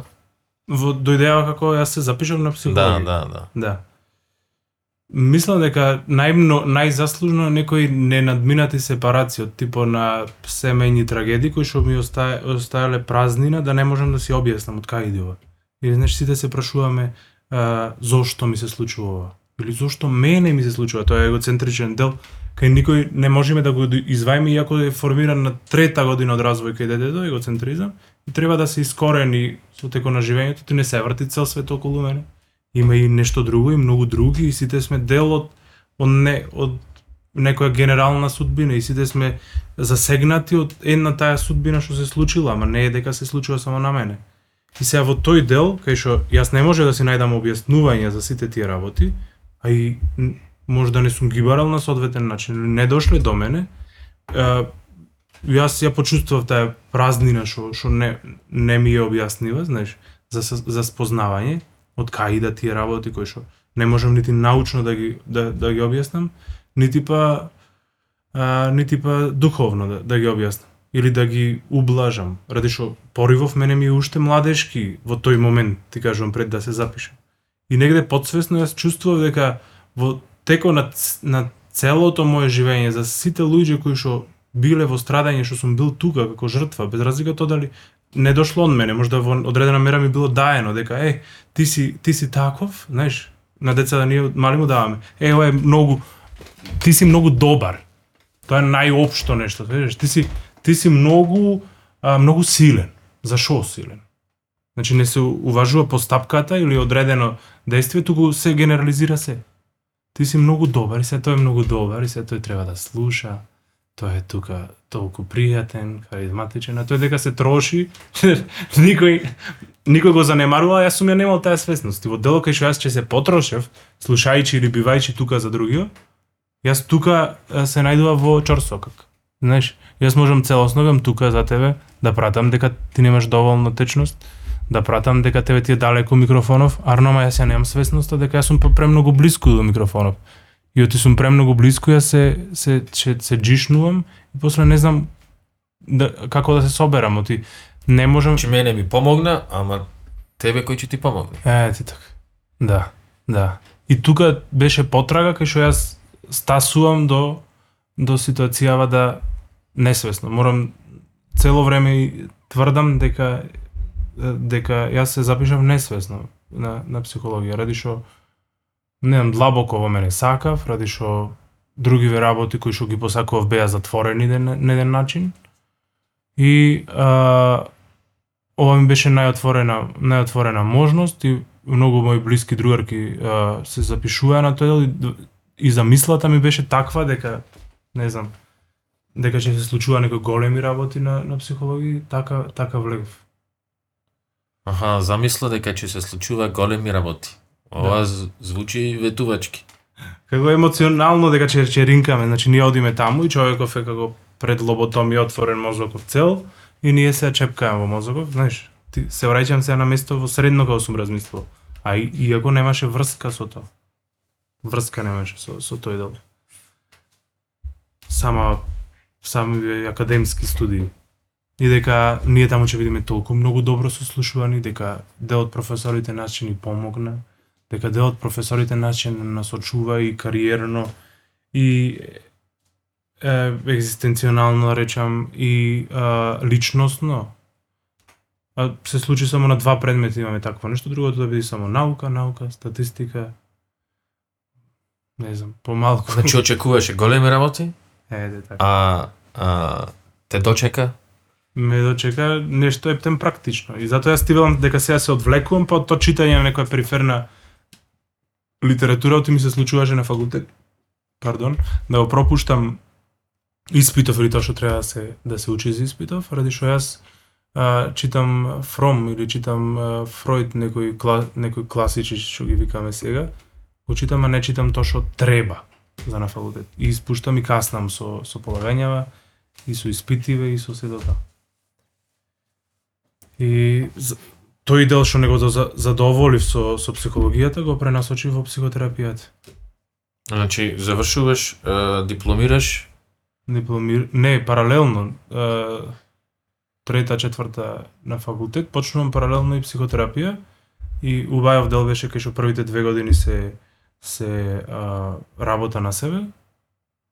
Значи само работа на себе, немав ништо јас јас да работам со со со другиот со со други клиенти или со некој внатрешно од колегите. работа Да на себе, во смисло ова што го читам, да го најдам кај мене? М, Не, Да го- искус... А, тоа што го читам го, го најдувам кај мене, да, ама тоа е само една еден еден дел. Другиот дел е кај што а, кај што јас работам на мој процес. Терапевтот ми от се отвара процес во групата, еден еден а, се се пројавува или стапува. Јас сам да работам, јас сам да работам за а, тоа што не знам, а, се скарав со женската и се тој работи, а и јас се најдувам во тој дел, ако не сум во сега, најдувам во момент кај што сум бил скаран со женската и а, преку тоа јас отварам процес кај мене, но не ми е актуелен и само го затворам и а, му давам него одреден одредена поддршка од типот не се секира и јас и јас бев, ама тоа е само лична лична перспектива, не се секи и бев на тоа место, вака и вака ми поминат и барај си твој начин, само поддршка. А, во делов кај што а, кај што кај што се отворам јас, па целосно се препуштам на психотерапијата и си најдувам начини на справување со тоа што ми било актуелно во тој момент во базичниот дел ти кажувам. Денеска со пракса дали си задоволен како како работиш? Дали си задоволен со успехот што го постигнуваш кај клиентите? Пошто е сето ова не е абстрактно и не баш некоја екзактна наука кај што можеш да измериш, да направиш да М, практично, туку се работи за да. абстрактен, ама до некаде и опиплив. И сега, твое видување на успешноста со работава со клиенти е денеска? Знаеш како, јас се, се фајџаме за едно нешто што го договараме. Преработиме на тој, на, на ова, на овој твој процес. Иако оти знам дека и јас не сум семојчен, знам дека имам ограничени можности и воопшто не гледам да постигнам успех. Туку само да бидам тука емоционално за клиентот, за, за да може тој да да пушти тоа што не може да го пушти пред жена му, пред пред женска му, пред што не може да го пушти е, пред Пред дечко светов. му, пред светов, пред пријателите, пред другарите, да, баш. И ако тој дојде до некој увид или до, до одредена свесност, за мене е тоа доволно. Сушност јас цело време ја барам скромност, ради што не са нагла промена е, е неподдржана про, про, промена. Тој после пак ќе се заврати по една недела на истото. А ако по полека тој то то протекува низ него или низ незе, си си поминува, се цело време зборувам низ машки ротот и тој зборувам за клиента. А, поминува низ него низ незе, тоа што тој тој се води од тоа од тој увид што го имал, од таа свесност што имал. И мене не ми треба потврда. Доволно е да ми каже дека, окей, јас сега можам да се само поддржувам, не ми треба твоја помош. Јас сум начисто, ти во одредена мера морам да опуштам, јас нема цело време да бидам тука за него. Јас сум во негова служба само 10 средби, колку што ќе се договориме, или 5 средби. И за 5 средби, за 10 средби, а иначе а, морам да приметам викаш да се постигне свесност. Тоа е за мене успешност. Да. Е сега ако е успешност за еден психотерапевт кај клиентов да се постигне свесност, тоа значи дека немаме свесност. Не, сега одека имаме свесност. Во секој момент имаме свесност. За каква свесност? Свесност за од, одредена пре, препрека, за одредена фиксација, за нешто што не задржувал. Сега мене ме, ме задржува, пример, а, кичмава, половинава, да седам, да седам исправен. И затоа седам во полуспуштена положба. И кога ќе јас станам свесен дека дека дека ме задржува кичмата, може да а, за следен пат кој ќе се видиме, ќе барам овде да има друга столица. Некоја што што ќе биде комодна за мене. Или сега станувам свесен за тоа и а, за тој дел и се преместувам на некој на она столчина што гледам тука. Ради што е многу посоодветно за мен, за мене, заради што сега станав свесен за тоа. Значи, е, да го видиш нешто. Ете така, баш. да баш. е, го имам проблемов да го видам. Задоволен сум. Е, е го видов. Да. Сега можем да го решавам. Да, Така. а можам и да не го решам, ти пак мој избор. Може да ја сам да се само само саботирам. Океј, да, Јачам може свесно, тоа е случајот со пороците, Е. кај што често човек си го самоуништува здравието, не е глуп, не, Да. не е неинтелигентен, не е слеп, ама свесно тоа го прави, има некој изговор. Баш. Ама ако не го видиме, Е, прав си.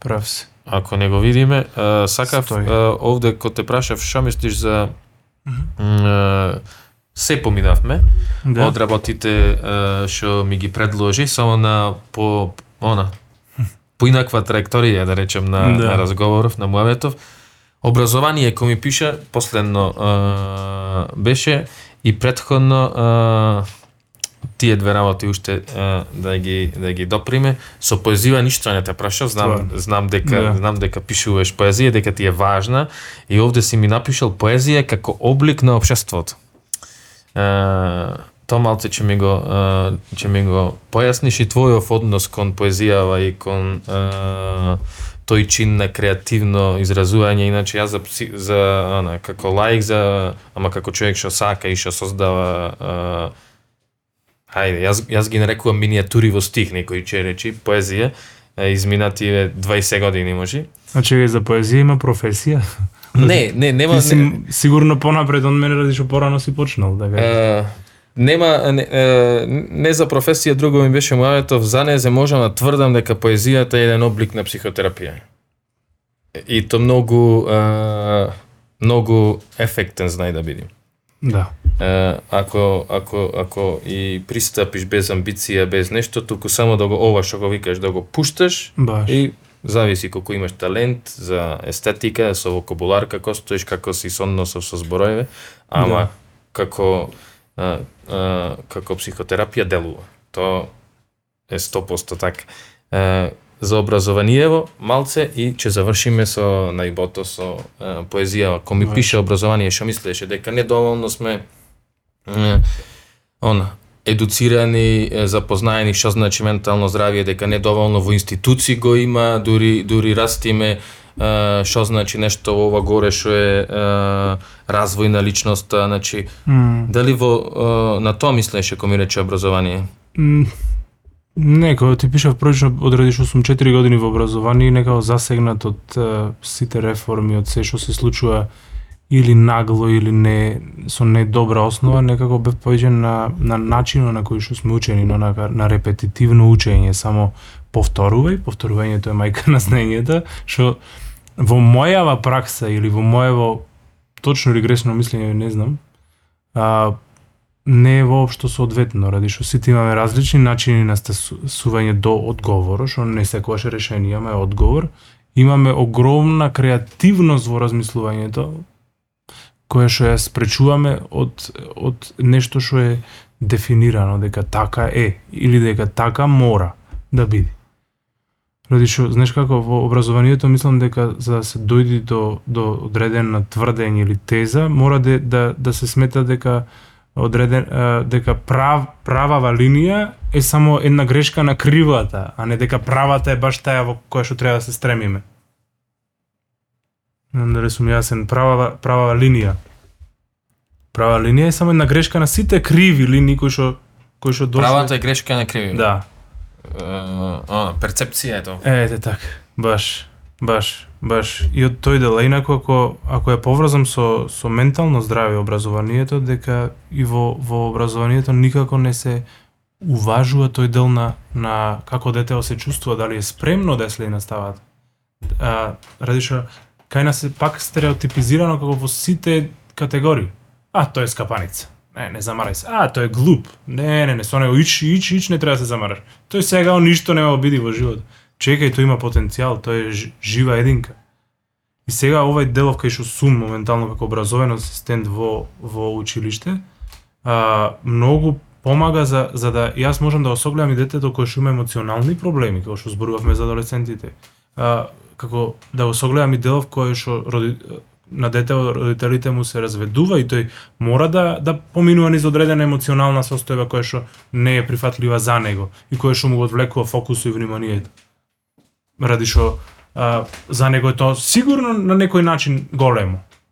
Или можда или можда не може само да си го објасни, му треба само под само таков тип на поддршка, ради што тоа исто и се преведува после во во работата, оти ние во работата треба да бидеме се идеални, знаеш да нема простора за одстапка, ти си ако не е манифактур, манифактурно, ние сме пак до негде машини, ти одиш само таму во фабрика, склопуваш, го склопуваш, го, го правиш, видиш, уште ленка постои, уште сите тие, тие работи, оти само за туиџе фабрика работи, за, за, за туиџе фабрика и тоа е, во сето тоа е основата образованието.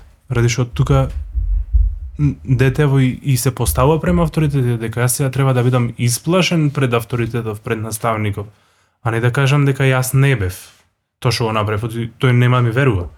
Или не да кажам дека е, само сакав да прашам нешто што е на вистина битно, ама ти не ми даде простор.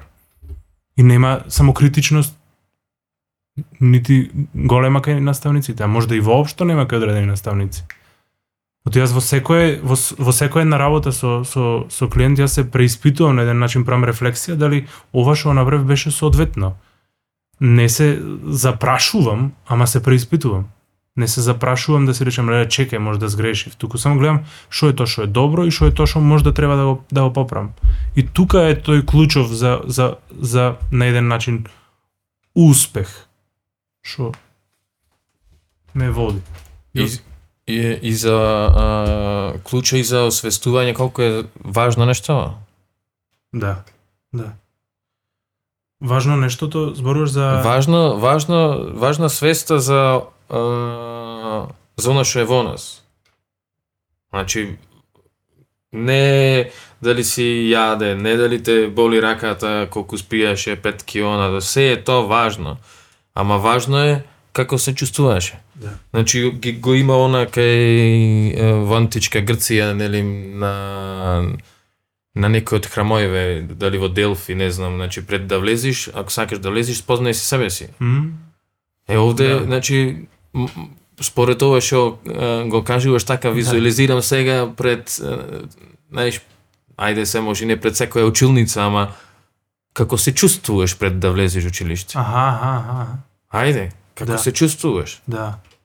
При Кажи си со другаров како се чувствуваш, па може ко ќе види дека деца меѓу себе доста разговара како се чувствува, па може че сакаме и ние да слушнеме како Да. се чувствува. А ако слушнеме како се чувствува, па може малце и поквалитетен однос ќе имаме со нив. Да. Ти важно е како се чувствуваш, одлично искуство, секој може некош е, си дете и тие сега прамуваме таму за политика, ти усвари таму редиш карти некој што треба кујки, кујчичка да му биде некој бетмен твој, ама не ти не можеш се убаво да ги наредиш, ти пајđа и се одиш, бараш помош, море, мене ми треба да се градам свет за бетменов мој. Никој не те слуша. Да, да, да. Ти а може да тебе ти е момент- небитното тоа нешто што се случува во твојот свет. Небитното та размена што има во тој момент и нека му е небитното, мене ми е небитното да направам уба кујчарка за Бетменов мој. Да. Оти ќе го напаѓам со Джокеров и се сакам да сценарио убаво да ми биде. Да. Никој неće да ме слушне. Ја му одам и као остаеме се таму. Да, да, ти си небитен, Се- да ти кажу, или мал си. Така? Тоа е. Ама јас мал Ако сум. сум мал, ама- тоа значи не постом. Така е кај нас. То- Тоа си е корелација со мојата Овде. со мојата големина, мојот м- мојот тогашен проблем и неće Да. никој да ме слушне. Да, да, да, да, да. Да. Баш, баш, баш и, и со само до тоа И како да не пишувам јас- поезија после. Така Така е, како окей. да не пишувам поезија Да, после. да, да, да. И, и имаш тоа што што треба да сршта. Не може да да да не пишуваш. Знаеш како? Баш во тој дел ако јас сум доволно емоционално отворен за детето или за во во училишниот процес, тоа што ќе ми каже дали му е задоволена потребата на која нема што да се замарам, јас му верувам него. Те текнува. Ако ако јас остам простор да ме праша тој што сака, ама не тоа што сакам. Ти многу често ние проставуваме прашања, за ни одговара тоа ние што сакаме, туку то тој што сака. Сакам да прашам, а, може да појдам да се да си земам вода? Може, слободно. А не, е сега гледај, јас сам да прашаш нешто друго, а ти прашуваш за најглупото нешто вода. Па како да не прашува, тоа е потреба. И после нормално е, оти тоа е цел цел ден доми, едно домино. Нормално е после родителот да праша, чекај, ти се напи вода? Оти можете на училиште му било забрането тој да се напија вода кој тој сака. Оти него му било забрането да поди во веце и тој се стегал. И после тој се научил за се да се стега и, и тој значи не може да дојде чувствата наред оти не се задоволени потребите. Оти јас за да за да стасам до чувство морам првин да видам потребата. Што е моја потреба? Моја потреба е првично базична потреба да се напијам. Оти ми е сува устава, оти сум жеден, оти а, хранава што се вари ми бара течност, ми бара вода. А и е тек после јас да мислам на нешто друго или па нешто трето или па да мислам како ја се чувствувам.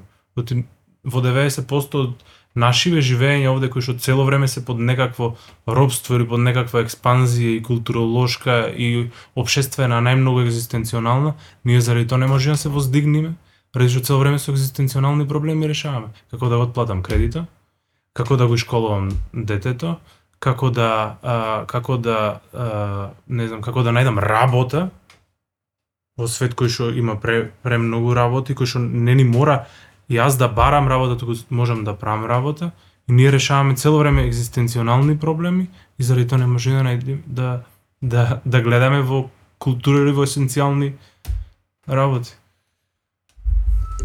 А, добро, не можеме, ама че, че имаме уба мисла за, а, за војднина. То Или сега не идуваме простор, не идуваме дупка. Така Ама ни треба стимуланс некаков, понекогаш, за жал. Стимуланс, поезија како стимуланс во животот. Е, тоа е најголем стимуланс. За, за мене во последно време, Што да. преш ти со И- поезија, што прета со тебе? Јас шопрам само ја пуштам, знаеш како? Ради што кој ќе го заморам мозоков, ја пуштам, ја го пуштам во, во поезија, кој ќе ја заморам душава, ја, ја, испра, ја празнам преку поезија. Таа што прави со мене само ме чуди, ме, ме понекош ме ме плаши, понекош ме воодушевува, понекош ме ме расти, ме воздигнува, ради што а сето тоа е ради што јас го положувам на незем. Да, дека се гледам во голема мера јас што сум извал, што сум пуштил, што сум дал. Анализираш што си напишал? Во Не. афект пишуваш?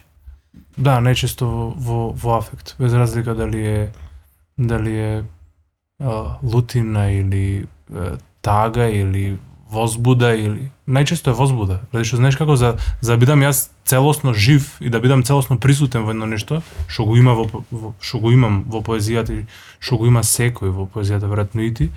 А, мораш да да да да бидиш да да дај доволно возбуда дека јас фаќам живот тука дека оставам нешто што ќе трае, оди тоа израз, знаеш како како што фреските порано биле израз ликовен. Ти не може ли ти да нацрта Мона Лиза, туку црта нешто што некое символичко значење што што му се случувало во глава. И се цртам јас э, возвишеново. Го цртам е, Светецов. Го цртам Рајов. И то тоа е тој таа висока форма, кај што ние ја креваме јас ја кревам да речем со, со поезијата, мој, моето идеална слика за, за светов, за општеството, ја креам со, со, со поезијата. Јас не можам да ја доживам, не можам да ја створам, знам дека сум ограничен, знам дека не можам да афектирам премногу на целото жи, на целото живење. Прво не сакам моќ, второ не имам моќ. И трето не ам, не не зависи целосно од мене, туку и многу други треба да, да дојде околу мене за да го менуваме се до тоа што го менуваме. И преку поезија е тоа побезбедно, полесно. Па, возможно е, возможно. Ти, и тука ја дава ја дава мојата генерална, мислам објективна свесност, ако можеме така да речеме, мојата субјективна свесност и некоја општа вистина бар, барам преку тоа што сум го доживеал или преку тоа што сум го видел во некого, во нешто, во себе. Инспирацијата е натре најчесто. Што што те иницира на прсти. И колку често се случува да седнеш и Најчесто да напишеш нешто. Најчесто тежината, знаеш, онака како че сум преработен, и што немам повеќе капацитети никако да се справувам со со уморо, со пардон, испразнетоста од дено, со с- се тоа што сум го видел или слушнал, го пуштам во, во поезијата или со мачнината во најрано станување од 6 сато се.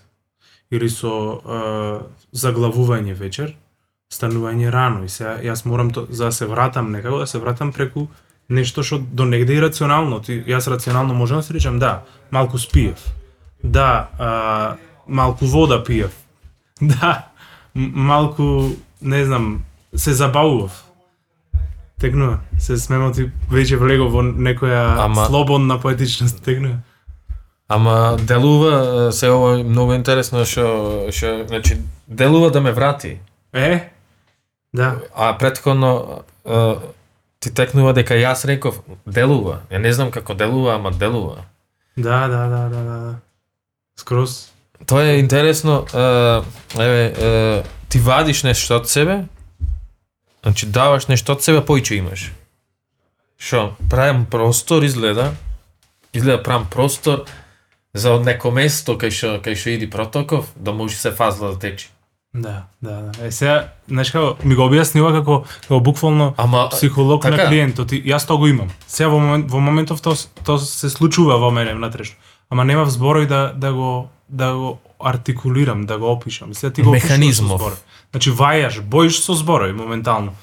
Тоа што сакам јас да го кажам, ти го го кажуваш со зборови. Тоа што не можам јас да го објаснам, Ти ми го објаснуваш со, со тоа што си го согледал и од мене, Ама и ти ме инспирираш, од кај тебе иде иницијално, за кај мене да добија форма. Е, Иначе да го нема иницијално, формава, шо? Не би ни Постојала. само че лепди, ние ќе Така, се нема- немариме, не- че не- помини и ќе излези низ пенџери и ќе се појави некоја друга форма Значи, за која што ќе се фатиме. Ова е добар символичен крај што што би што би представувала а, однос клиент психотерапевт, значи интеракција. Не не напредува едниот, не назадува едниот или значи интеракција. Да, размена, размена, размена. Само контакт, комуникација и затоа ние сме сите толку желни за комуникацијата. Ние комуницираме во, во многу форми. Во многу форми комуницираме. Ние комуницираме преку поезија. Ти ме запознаваш мене преку поезија, јас те запознавам тебе преку поезија. И јас го запознавам свето преку поезија. Не, не тој ме запознава мене, јас го запознавам свето. Јас го запознав свето преку поезијата од Раци. Ме разбираш? Јас а, не знам комуницирам со нешто што не е вишо, туку е само одреден израз човеков и сум го зел да да го сместам негде во мене. И тој да да направи толкава празнина во мене што може да да течи нешто. Што и да е, да, да течи мисла, да течи инспирација, да течи идеја, да течи некој м, можда и слеп идеал. Значи чека, чека протоков. Само треба да да, да тргнеме влезов да го одблокираме. Да. Тука е да ни сцели. Како што како што ти одговара така. Да. Има безброј начини, рековме.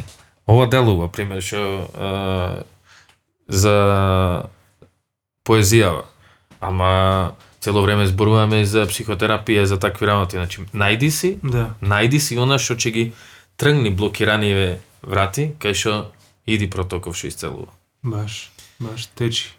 Да течи извор.